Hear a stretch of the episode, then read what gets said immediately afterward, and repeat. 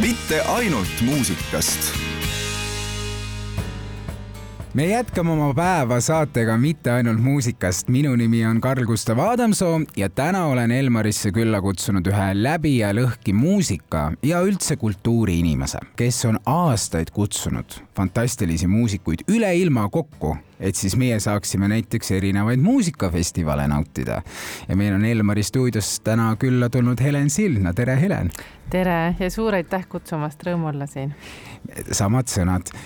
Suvi on saanud läbi, vähemalt hetkel, kui me juttu räägime, siis natuke tibutab ja taevas on läinud halliks, vaadates otsa sellele suvele kuidas sul suvi läks? suvi läks sel korral äh, tõesti ootamatult puhkuselainel, et äh, juhtus nii, et äh, meie festival Tallinn Music Week, mida oleme siis nüüd juba viisteist aastat korraldanud, toimus maikuus.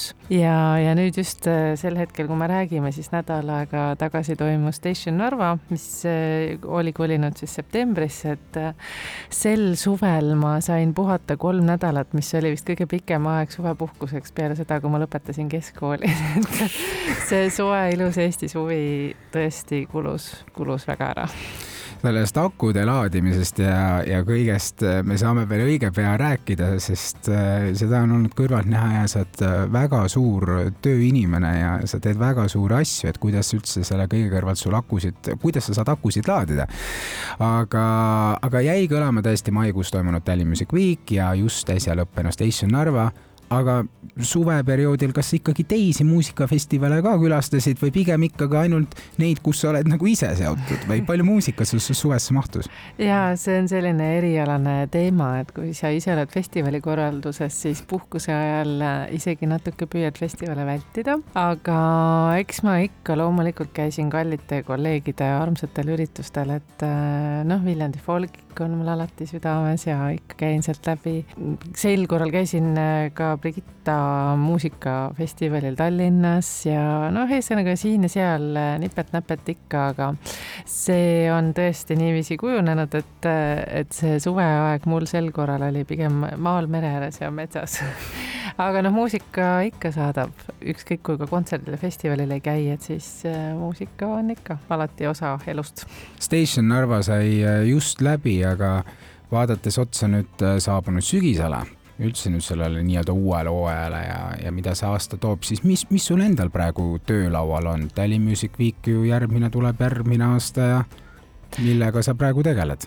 ja no praegu ongi täpselt selline huvitav aeg, et äh, muuseas mu viimastel aastatel olengi märganud, et sügis on mu lemmikhooaeg, et sügisel oh. on nagu kuidagi, et äh, uus värske tulemine, hakkad nagu plaane tegema järgmiseks aastaks ette, et praegu on selline tunne ka mul et see kibekiire aeg Station Narva festivaliga on mööda saanud just äsja ja, ja me tähistasime ka oma väikest esimest juubelikest, et viis aastat äh, siis sellest hetkest, kui festival sai asutatud ja nüüd on hea hakata planeerima jälle järgmist hooaega, et me noh, olemegi niiviisi mõelnud, et üks äh, meie festivalidest on siis kevadel ja teine on sügisel, et siis jääks niimoodi pool aastat vahepeale. aga noh, põnevaid asju on hästi palju, et eks me toimetame Narvas ja Ida-Virumaal kultuuri kultuurisündmuste ja oma sõprade ja partneritega teeme, mõtleme ja planeerime asju edasi. Ja eks sügis on ka selline aeg, kus noh, nii-öelda mõeldes oma Tallinna festivalile, kus me käime hästi palju ka rahvusvahelistel festivalidel külas äh,, hakkab peale see aeg, kus äh, lähed teistesse riikidesse vaatama, kes on põnevad artistid ja tegijad,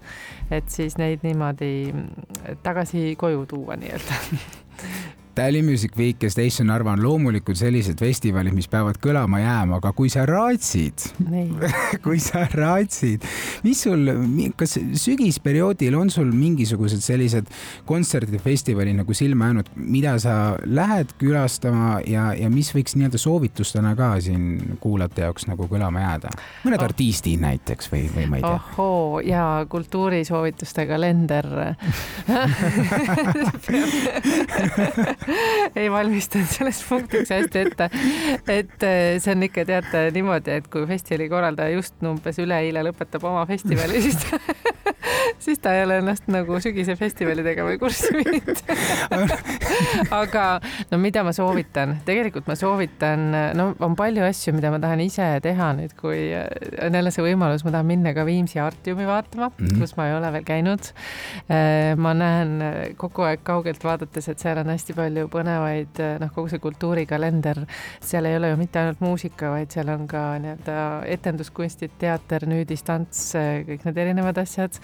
Siis ma tahan kindlasti minna mõnel päeval uuesti mõnele sündmusele Arvo Pärdi keskusesse. no me tähistasime ju Arvo Pärdi sünnipäeva taas, üksteist september ja kuidagi ma olen igatsenud selle laulasmaa atmosfääri järele, et mulle aeg-ajalt lihtsalt meeldib minna sinna keskusesse see on nii vaikne, see on nii mõnus ja mis iganes kontsert või filmi näitamine seal parajasti on, siis äh, alati on see hea ja huvitav äh,. siis ma kindlasti tahan äh, minna ka Ida-Virusse tagasi äh,. ma tahan näha mõnda teatrietendust, mida Vaba Lava Narva seal teeb äh,. seal on väga põnevaid teatrieksperimente ja asju. siis ma kindlasti, mis, mille järgi ma väga igatsen, on see, et minna käia just Tiir kunstigaleriides hoopis.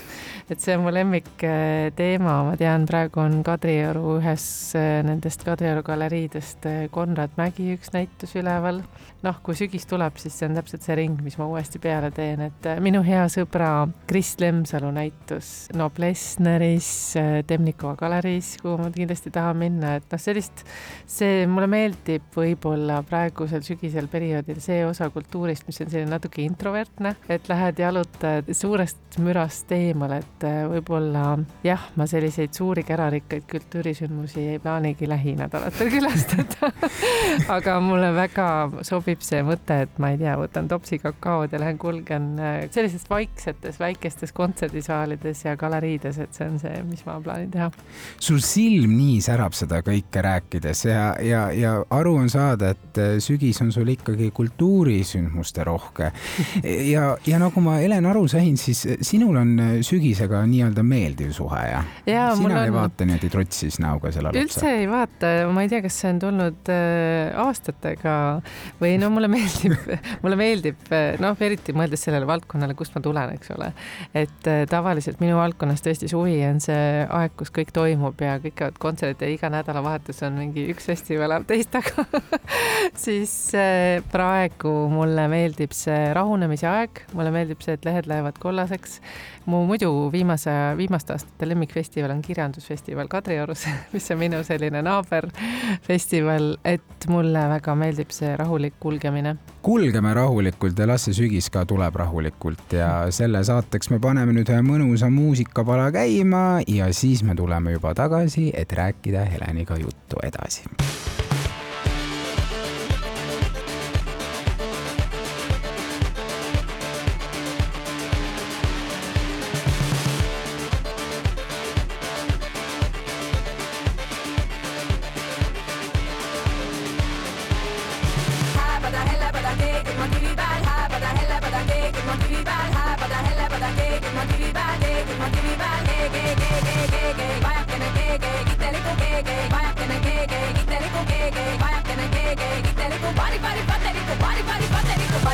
pass, pass, patta tagasi, pass,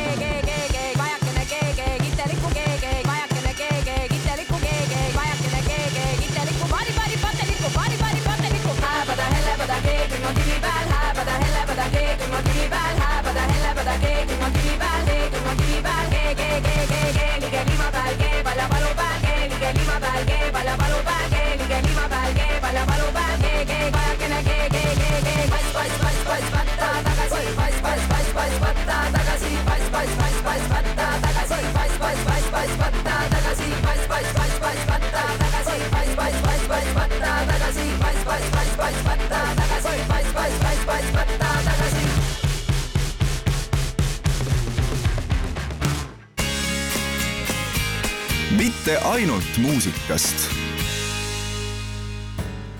saates Mitte ainult muusikast on täna külaliseks Helen Sildna. Helen, sa tundud vähemalt eemalt vaadates, me oleme paar korda kohtunud põgusalt, hästi aktiivne inimene, oled sa kogu aeg selline energiline või sul on ka mõned sellised nullpunktid käes? nii armas ei no päriselt tundud. ja see, ma arvan, et mul vist vaheldubki see minu eri, ma, mulle meeldib, ma praegu sinule vastates avastan, et on olemas kaks mind. on jah? jah, et on olemas see, kes on hästi aktiivne siis, kui ta läheb välja ja korraldab midagi ja organiseerib ja suhtleb ja nii-öelda on hästi avatud äh, maailmale igas mõttes äh, ja, ja on olemas ka see mina, kes ootab sügist ja terve nädalavahetuse ei taha rääkida kellegiga ja pigem loeb raamatut ja vaatab hästi sissepoole. ja ma arvan, et need kaks mind ongi võib-olla kujunenud välja ka mõnes mõttes tänu või, või minu selle eriala tõttu, mis tegelikult paneb mind hästi aktiivselt suhtlema, siis need ma arvan, et see minu tasakaal või võime eh, oma tööd ka hästi teha peitubki selles, et need väga-väga aktiivsed hetked ma balansseerin hästi teadlikult eh, vaikusega ja vaikuse ja ruumi ja sellise nagu iseenda mõtete kuulamisega. noh, kui meil siin juttu oli sügisest, siis see ongi võib-olla natuke niisugune nagu endasse vaatamise periood, kus eh, saab lõpuks ka mingi raamatu lahti võtta ja mm -hmm. ja, ja võib-olla kinno minna ja nagu väga niimoodi oma, omas eh, rütmis liikuda. aga no mu hea kaaslane, eh, võib-olla oled märganud ka, ma tihti käin koeraga koos seekord, seekord ma oma parimat sõpra nimega Pipar kaasa ei võtnud et et äh, aga mul on jah, selline tore kaaslane, väike mm, piigelkoer, kellega ma nagu nädalavahetustel hästi tihti lähen äh, parki, metsa ja nii-öelda loodusesse, et see on ka osa minu, ta on, ta on nii-öelda minu treener, et äh, Pipar viib mind jalutama, siis siis see on osa sellest, kuidas minu ajus äh, nii-öelda kruvid logisema ei hakka. aga jääb justkui kõlama, et tegelikult sa oskad päris hästi elus ikkagi seda balanssi hoida nii-öelda no, selle endaks olemise töö tuleb õppida, ega mm. see noh, ei ole ka võib-olla alati niimoodi olnud, et äh, siis pigem on ju mingid osad äh, elust, kus ähm, sa nagu maksimaalselt nagu tahad võidu joosta iseendaga kõik oma minutid nii-öelda nagu väga täis tuupida uusi kogemusi ja uusi elamusi, uusi tutvusi ja siis ühest hetkest äh, võib-olla hakkad märkama, et äh, no ei saa nii-öelda nagu üle koormata oma aju ja, ja ei saa noh, selle võidujooksuga kogu aeg kaasa minna, et äh, võib-olla see balansi otsimine on midagi, mis iseloomustab mind võib-olla, kuidas ma ütlen, viimase viie aasta jooksul, et see ei ole midagi jah, mida nagu kohe, kui kahekümne aastane oled ja nii-öelda nagu tööle hakkad või, või nii-öelda oma sellist sotsiaalset võrgustikku hakkad kujundama, et see võib-olla nagu kohe loomulikult ei ole niimoodi tulnud. Aga mm, pingelised ajad vajavad seda. Ja noh, eks see valdkond, festivalikorraldus või üldse sündmuskorraldus, et võib-olla vahel kõrvalt vaadates võib tunduda, et see on ju üks tore ja lõbus ja mis seal on, et eh, joote staaridega šampanjat muudkui. aga, aga ei aga ole nii? tegelikult ei ole nii, see on, ehm, selles valdkonnas on väga palju äh, ootamatusega tegelemist, selles valdkonnas on pidev sellist soorituspinget, et noh, nii-öelda kujutleme, et sa korraldad ühe suure sündmuse, kuhu sa ootad kolmkümmend tuhat inimest ühel konkreetsel kuupäeval ja kellaajal külla, eks ole. see noh paneb sellise teatava surve ja soorituspinge festivali korralduses oma olemuses on hästi palju detaile, ta on väga detailiderohke, seega su see aju emaplaat tahab infost täis joosta ja kokku kiiluda. ehk siis jah, see valdkond, kusjuures noh, mingi väike selline huvitav naljakas nüanss, et jälgin aeg-ajalt sellist uuringut, et maailma kõige stressirohkemad tööd. No on olemas selline uuring ja, ja seal tipus lõpus tõesti top viies on äh, minu meelest esimesed kolm kohta on seal eh, tuletõrjujad ja siis esmaabitöötajad ja politsei ja piirivalve ja siis enam-vähem sellele järgnebki sündmuskorraldajad.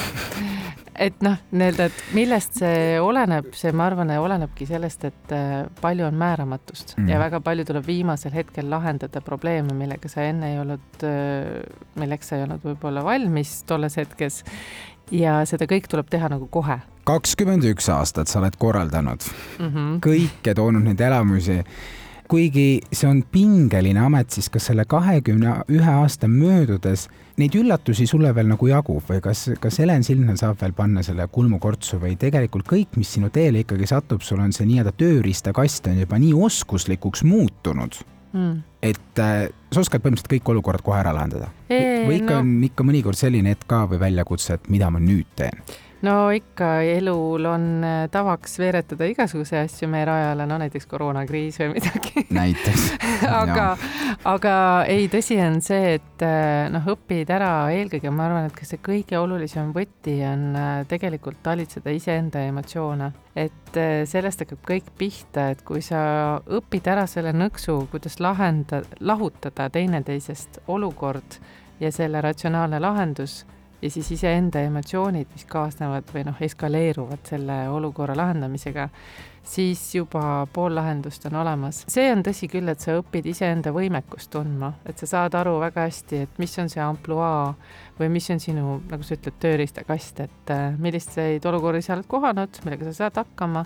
et noh, mind naljalt mingi lennukist maha jäänud äh, bändiga ei šokeeri Neid on nähtud ikka kõvasti oma elus, et, et kui keegi on jälle laevast lennukist maha jäänud, siis see on minu jaoks enam-vähem niimoodi, et, et ma oleks olnud üllatunud, kui seda ei juhtu aga igatahes äh, veel sa seda kasti kokku ei pane ja järgmised festivalid toimuvad, et Jaa, seda saame lubada kenasti. saame ikka seda lubada ja eks see, see jõud ja energia tulebki päriselt nagu inimeste silmadest. kui ma näen, et minu kõrval on tiimiliikmed, kes on valmis seda vankrit koos äh, vedama, eks ole ja kui ma näen seda rõõmu uudishimu tulukest nende silmades, isegi kui see mõneks nädalaks kustub ja nad on ka väsinud ja kurnatud, siis kui ma näen, et nad ikkagi nii-öelda käivituvad, noh, siis see on, see on seesama energia, mis ka artisti ja publiku vahel toimib.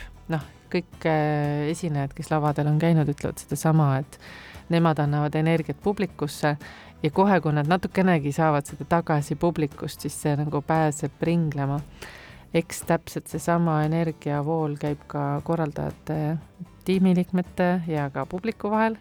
et kui sa siis ühel hetkel oled ka tekitanud selle olukorra, et noh, ma ei tea, see artist on läinud lavale ja need inimesed on seal ja sa vaatad nende nägudesse ja silmadesse ja sa näed, et noh, nad mingi tuluke läks põlema, et et siis, no siis see ongi väärt midagi head inimesed annavad head energiat hea muusika annab ka. nii et ma teen nüüd pakkumise, et kuulame jälle muusikat ja siis saame tulla tagasi, et rääkida loomulikult sellisest teemast nagu muusika, millest me olemegi tegelikult täna rääkinud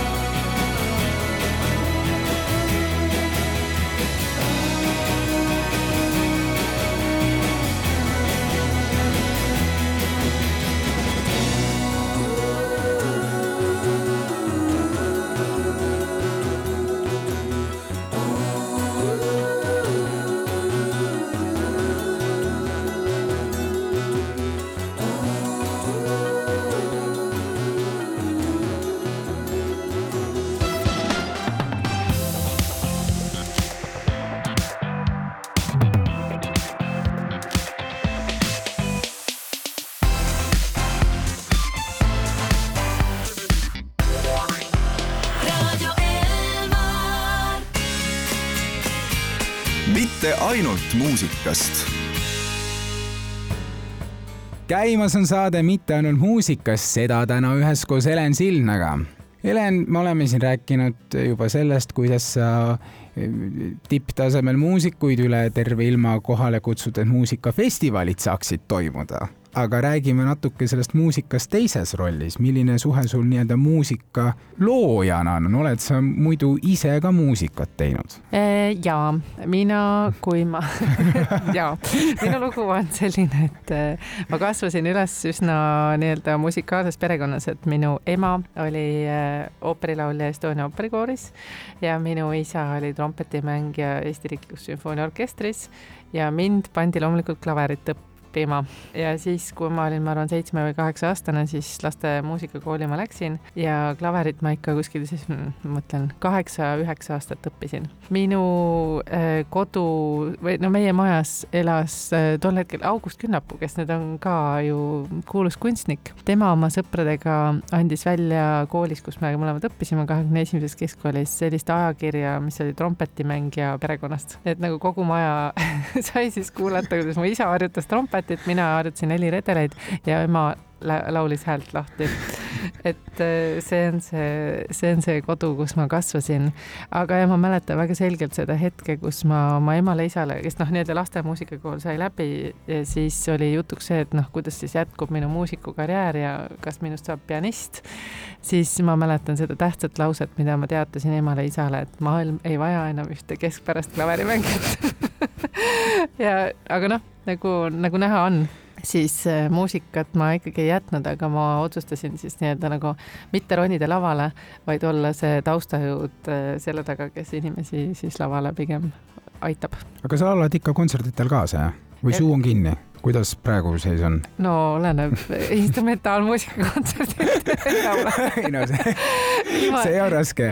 ja, ja viimane kaasalaulmise hetk oligi kusjuures sealsama Station Narva raames, selles samas kodukontserdil, kus Jaan Pehkile sai kõik koos kaasa laulda. ja no laulan ikka kaasa, muidugi, ja. ma olen päris kindel, et meie kuulajate seas on nii mõnigi, kes on mõelnud või mõtleb praegu selle peale, et et, ähm, et on soov ka ehk muusikat teha mm. -hmm. ometigi jäädakse millessegi kinni mm -hmm. või ei teada, kust alustada. mis on äh, sinu kui eksperdi sellised esimesed mõtted või soovitused üldse, kui, kui üks inimene tahab hakata midagi looma ja just eriti teistele tooma, pakkuma, millele tasuks esmalt mõelda et siis üldse midagi teha? kõige baas esiteks on see, et ähm, äh, harjutamine teeb meistriks, see on täitsa nagu päriselt eksisteerib mm. ja kehtib. loomulikult on olemas mingi baasmusikaalsus või selline andekus ka, aga sellest on nii palju uuringuid ja, ja artikleid ja, ja nagu sellest on nii palju arutletud, et, et see puhas talent ise nii-öelda välja ei kanna ilma selleta, kui ei ole püsivust ja neid isikuomadusi ja tahet äh, muidu harjutada ja treenida ja ja, ja tegelikult see on see mõtteviis, mis mulle väga meeldib, et ma päriselt arvan, et igaüks, kes tunneb, et ta tahab, see ka saab, aga seda nii-öelda töökust on äh, ikkagi väga vaja. ja, ja mis on ka alati lahe näha, on see, et noh, see teatav tasakaal ka selle vahel, et muidugi kuula ja küsi tagasisidet, mida arvatakse sinu loomingust, aga jää nii-öelda alati endale kindlaks. et äh, kindlasti ei tasu kunagi kedagi kopeerida. Äh, kindlasti tuleb mingis mõttes oma nagu jonni jätkata, et äh, käia seda oma rida, aga samas tõepoolest olla avatud ka nii-öelda tagasisidele, olla tähelepanelik nii-öelda, et kuidas, kuidas sinu loomingut teised kuulavad. igatahes selles eduvalemis on väga palju tegureid, kui kuulajad ei saanud kõiki kirja panna, siis kuulake lihtsalt seda saadet järele ja Heleni, kui me vaatame, ka väga hea võimalus. Helen, kui me vaatame nüüd otsa nendele artistidele kuna Elmar on Eesti muusika raadiokanal, siis uh mhm. -huh. just Eesti artistidele, kes on juba jõudnud kuhugi uh, mhm. -huh siis kes, kes sind täna kõige enam kõnetavad või kelle muusikat või loomingut sa kuulad? Äh, no Eesti artistid, kes on jõudnud kuhugile, neid võiks palju mitmeid erinevaid nimetada, näiteks mulle kohe praegu turgatas pähe Iiris, Iiris Vesik kes tänaseks ähm, elab suurema osa Londonis ja on leidnud ka endale selle tee, et ähm, ta ei ole mitte ainult laul- ja lugude kirjutaja, vaid kirjutab ka teistele artistidele. Ta on tohutult talendikas äh, kirjutaja ja produtsent.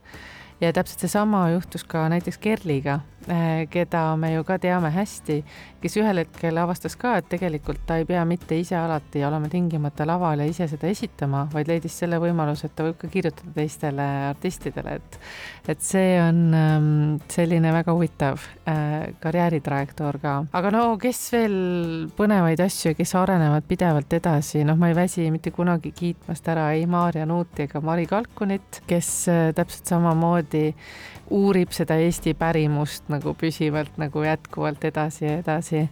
ja noh, nagu üldse mind see Eesti edulugu, mis on tekkinud meie pärimusmuusika eh, skeenest, noh, olgu see ka Trad Attack, eks ole, mhm. loomulikult et need on andekad inimesed, kes on hästi pühendunud nagu sellele Eesti taustaloole, aga annavad sellele alati sellise nagu omaenda käe või hinge ja südame ja vindi. et see ei ole kunagi lihtsalt selline rahvamuusika esitamine, vaid see on alati unikaalne omalooming Mo, moodne omalooming, mis on siis äh, pärimusmuusikast äh, tulenev. et see noh, me oleme ju näinud, äratab ka rahvusvahelist huvi, mis on väga-väga tore. absoluutselt, aga kui nüüd äh, võtta ette üks selline muusikapala, mis sinus huvi äratab ja mis võiks nüüd nii-öelda ühe sooviloona kõlama jääda, siis millise loo me võiksime ette võtta? Ahaa, kas see on nüüd see koht, kus on see, et see minu, see, see lugu, jah? ja sinu see lugu, no tõenäoliselt, kas, kas sul tegelikult, no on sul üldse üks kõige lemmikam lugu, see on võimatu küsimus? ja see on tegelikult jah, võimatu küsimus, et äh, ma tõesti kuulan hästi laia skaalal, et olen üks neid, kes äh, äh vahel kuulab hommikul, ma ei tea, Tõnu Kõrvitset või Sib Sibeliust või siis vahel kuulab tehnomuusikat ja tantsib, eks ole aga üks lugu, mis mind on just viimase aasta jooksul eriti uuesti saatnud, on üks eh, lugu, mis on täpselt sama vana kui mina, pärit aastast seitsekümmend kaheksa. Ja see on ansambel Apelsin eh, ja lugu nimega Igatsus. Ja see lugu on võib-olla uuesti taas kõnetama hakanud oma selle taustalooga ka, et Äh, selle, selle kirjutas väidetavalt Tõnu Aare siis, kui ta oli Nõukogude sõjaväes ja igatses nii-öelda kodu järele. ja noh, see lugu on võib-olla praegustel rasketel aegadel ka, kui noh, Ukrainas on sõda ja, ja, ja noh, me mõtleme väga palju selle peale ka, et kuidas muusika ja kultuur toetavad inimestega sellist nagu hingehaavadega toimetulekut et siis see apelsini igatsus oma sellise kauni, kauni, siira ja igatseva helikeelega on nagu ikkagi saatnud mind päris palju viimasel aastal just uuesti. Me paneme selle loo nüüd kõlama ja siis veel tuleme korraks tagasi, et heita pilk edasi ehk tulevikku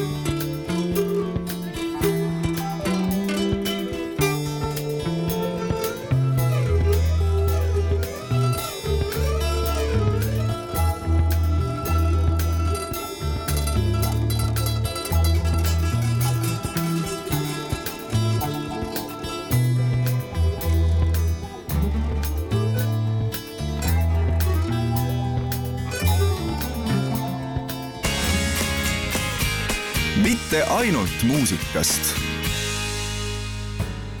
saade Mitte ainult muusikast on vajutamas täna oma lõppakordi ja seda täna üheskoos Helen Sildnaga.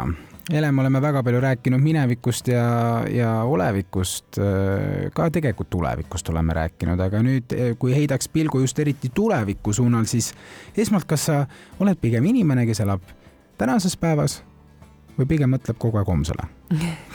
Ma arvan, ma olen üsna selline hetkes elav äh, tegelane, aga ma noh, oma loomult tahan asju kogu aeg nagu edasi viia. Mm.. et äh, loomulikult nagu tulevik on see, mis käivitab mind, aga ma ei ole nagu selline nagu ülim planeerija.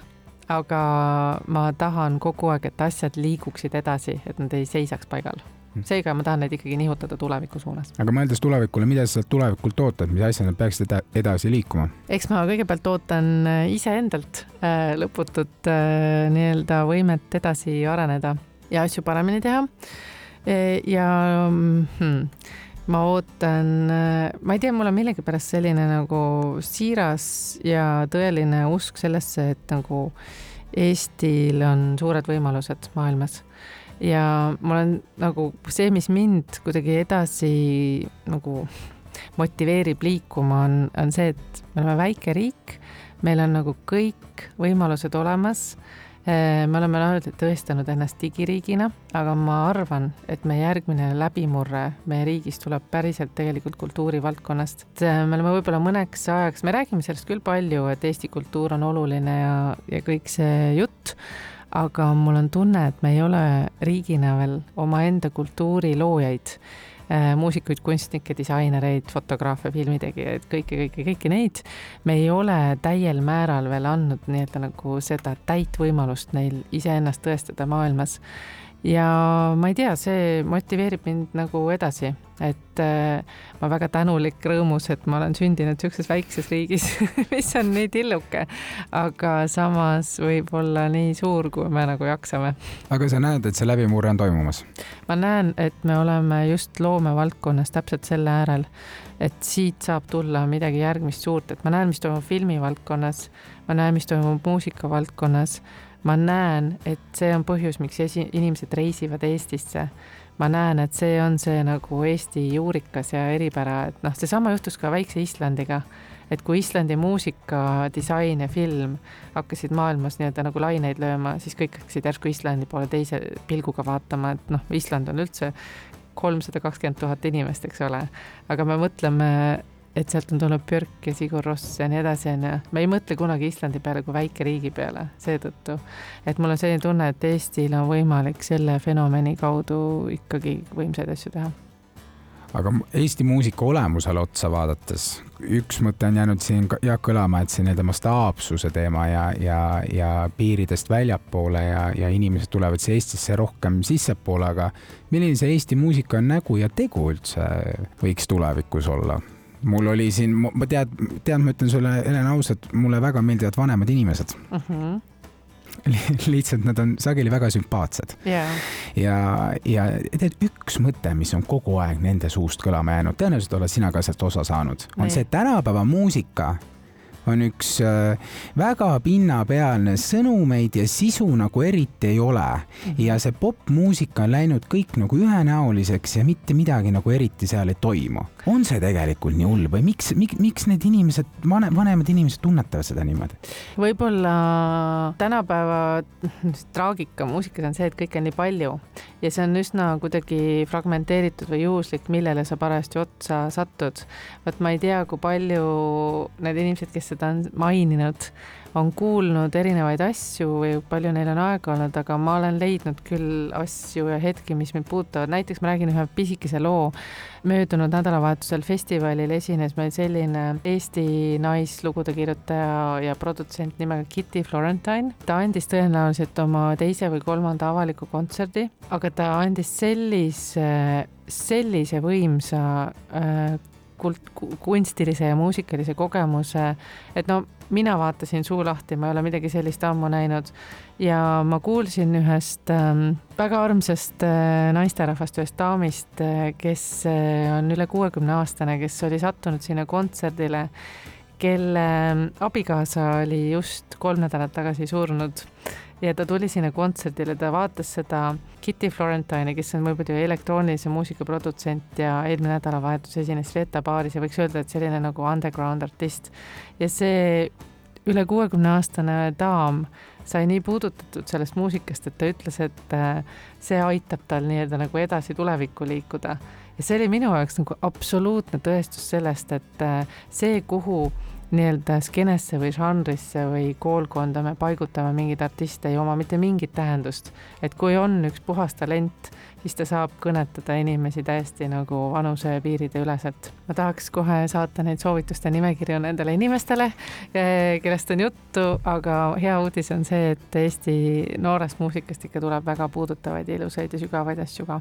ja neid soovitusi on jäänud siin täna väga palju kõlama ja Helen, südamest puhas rõõm, et sa täna meiega siin äh, olid ja juttu rääkisid. mul on ikkagi kombeks inimestelt küsida, et äh, mida võiks äh, kaasa soovida, mis sul nüüd siin sügise hämaruses või valguses kõige enam vaja läheks? rahu ja rõõmu. rahu ja rõõmu, me mm. soovime sulle seda. aitäh ja ma soovin sedasama ka kuulajatele head Elmari kuulajad, selline oli täna mitte ainult muusikast saade koos Helen Sildnaga, täis häid mõtteid ja häid muusikat ja loodame, et te võtsite siit päris palju kaasa. me soovime teile siitpoolt ilusat päeva jätku ja rõõmu hinge, kõike kaunist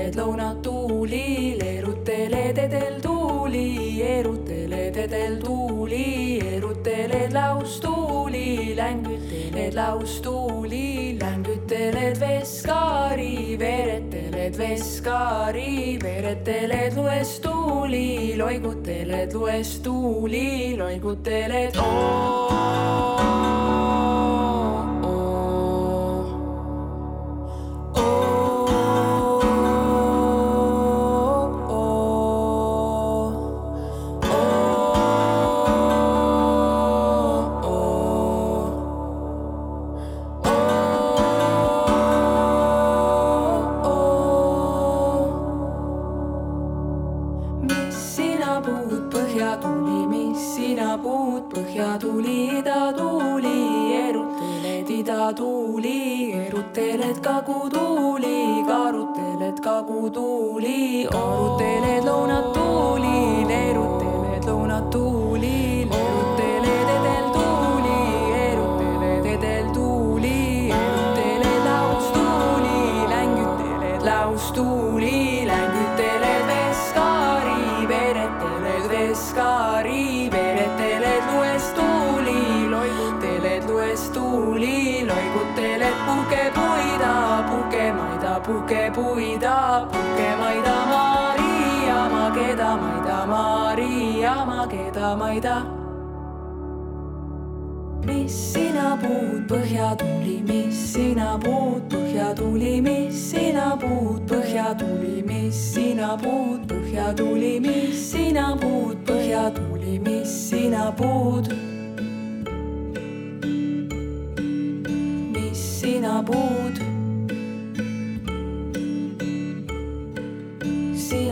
puud.